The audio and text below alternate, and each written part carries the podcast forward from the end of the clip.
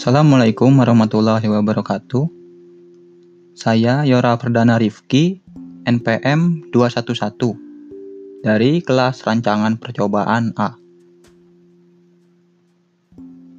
Saya akan mencoba menjawab guiding questions seputar rancangan acak lengkap. Mulai dari guiding questions nomor satu dulu. Pertanyaannya, apa yang saudara ketahui tentang rancangan acak lengkap? Jelaskan dengan singkat. Rancangan acak lengkap biasanya disingkat RAL merupakan jenis rancangan percobaan yang paling sederhana. Rancangan acak lengkap merupakan jenis rancangan percobaan di mana perlakuan diberikan secara acak kepada seluruh unit percobaan umumnya digunakan untuk percobaan yang memiliki media atau lingkungan percobaan yang seragam atau homogen seperti misalnya itu rumah kaca atau laboratorium. Lalu uh, guiding questions nomor 2. Bagaimana cara menentukan banyaknya ulangan dan perlakuan?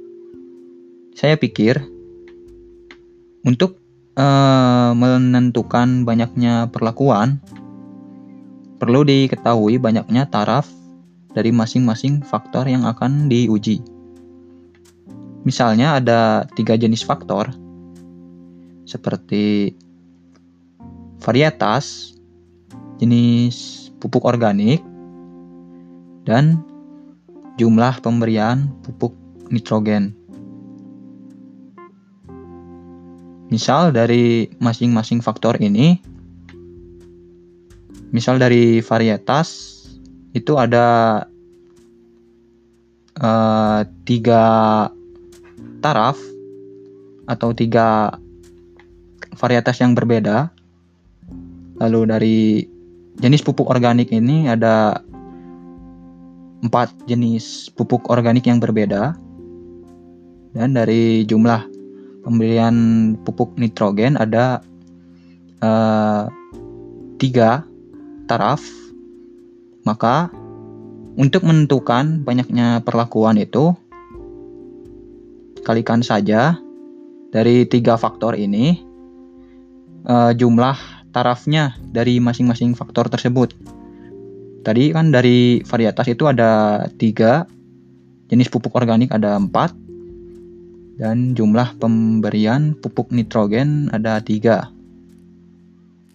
Dikalikan saja, di tiga dikali empat, lalu dikalikan tiga. Hasilnya itu adalah e, eh, 36. Maka banyaknya perlakuan itu yang dilakukan itu ada 36 perlakuan. Lalu untuk menentukan banyaknya ulangan. Saya sendiri kurang uh, kurang informasi.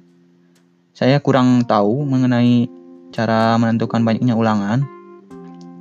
Tapi mungkin semakin banyaknya uh, jenis perlakuan semakin banyak juga ulangannya. Supaya uh, mendapatkan data yang uh, akurat Lalu uh, guiding questions nomor 3. Apa fungsi dari analisis varians atau dalam kurung ANOVA dan UGF? Untuk uh, analisis varians atau ANOVA itu digunakan untuk menguji perbedaan rata nilai dari beberapa macam perlakuan Nah, untuk uji F digunakan itu tuh digunakan untuk mengetahui apakah variabel independen secara bersama-sama berpengaruh signifikan terhadap variabel dependen. Lalu, guiding questions nomor 4. Berasal dari manakah data yang dianalisis untuk ANOVA dan UGF. Dari hasil yang didapat dari perlakuan beserta ulangan-ulangannya. Lalu pertanyaan yang terakhir, nomor 5. Bagaimana cara menarik kesimpulan hasil uji F? Hasil akhir yang didapatkan itu disebutnya nilai F hitung. Nilai tersebut kemudian dibandingkan dengan nilai dalam tabel F pada derajat kebe kebebasan tertentu atau istilahnya itu degree of freedom.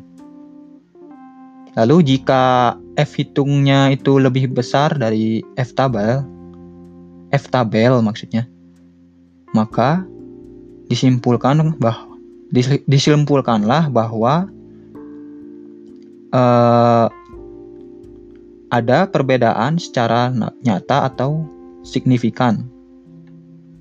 Jika F hitung lebih besar dari F tabel, maka hipotesis ditolak.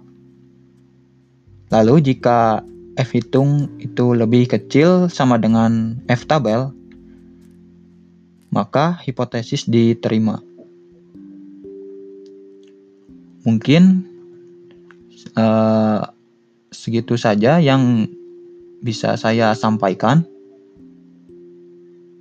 Mohon maaf jika saya uh, menjawab dengan salah atau mungkin ada perkataan saya yang tidak mengenakan. Uh, cukup sekian. Assalamualaikum warahmatullahi wabarakatuh.